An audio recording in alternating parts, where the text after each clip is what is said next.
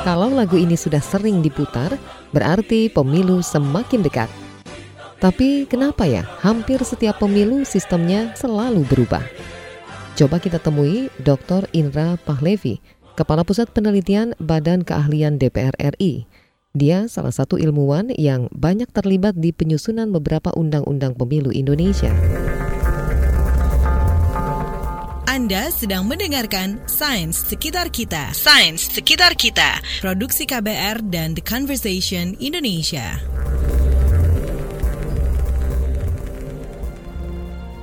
Proklamasi Kami, bangsa Indonesia Hanya 10 tahun setelah teks tadi dibacakan, Indonesia menggelar pemilu pertamanya.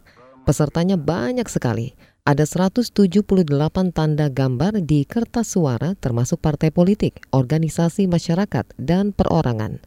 Gak heran kalau ilmuwan politik dari Australia, Herbert Fate, menyebut pemilu 1955 sebagai pemilu yang ultra demokratis. Rakyat sudah melihat merasakan, menikmati sebuah proses demokrasi yang sebenar-benarnya demokratis di sebuah negara yang 10 tahun baru merdeka. Kita tidak bicara kekurangannya dulu karena belum ada pembandingnya toh.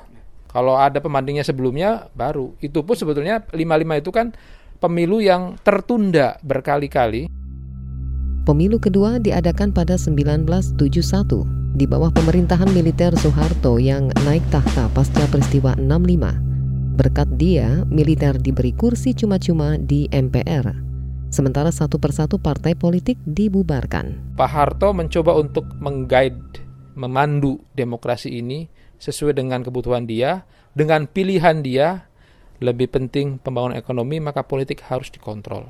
Meskipun istilahnya bukan gaya demokrasi, tetapi prakteknya seperti itulah. Pak Harto memandu di tahun 71 itu. Sampai akhirnya begitu rupa dia sudah bisa menguasai maka dia ada langkah berikutnya untuk memfusikan beberapa kekuatan politik yang sembilan partai itu menjadi dua partai politik lain, PDI dan Partai Persatuan Pembangunan, Golkar tetap. Di bawah pemerintah militer Soeharto, demokrasi hanya dijalankan secara prosedural. Begitu kata Dr. Indra. Jadi masyarakat memang dikondisikan juga. Nah, begitu juga partai politiknya ketika anggotanya mau jadi caleg harus melakukan litsus. Dulu ada namanya lembaga Kopkamtib yang hanya ada di zaman Orde Baru waktu itu. Komando pemulihan pemulihan ketertiban itu dalam tanda kutip salah satu tugasnya adalah yaitu melihat, mengintai masyarakat dan siapa pun yang kalau ada gerakan-gerakan yang tidak sesuai dengan menjaga istilah mereka menjaga stabilitas politik. Segera setelah Soeharto tumbang, rakyat ingin pemilu yang benar-benar demokratis. Akhirnya Presiden Habibie waktu itu memutuskan mempercepat pemilu keran kebebasan berpolitik pun dibuka lebar-lebar.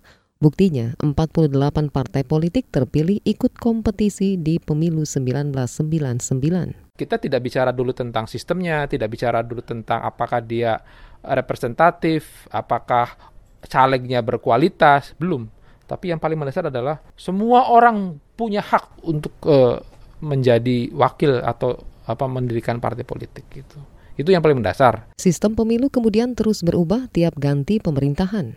Yang menarik, pada pemilu 2009 untuk kali pertama diikuti partai politik lokal dari Aceh sebagai bentuk pelaksanaan perjanjian damai Indonesia dan Gerakan Aceh Merdeka. Itu adalah hanya untuk mengakomodir kepentingan sebagian elit lokal Aceh.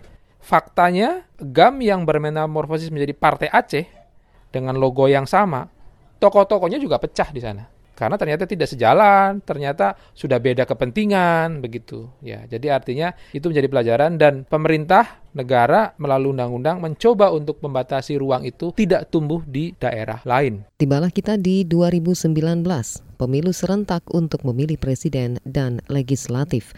Setidaknya ada lima kertas suara yang mesti dicoblos. Apakah ini sistem terbaik? Hmm, enggak juga. Gegap gempitanya semua habis energinya untuk pilpres. Apakah banyak orang cerita tentang kampanye partai A, partai B, partai C?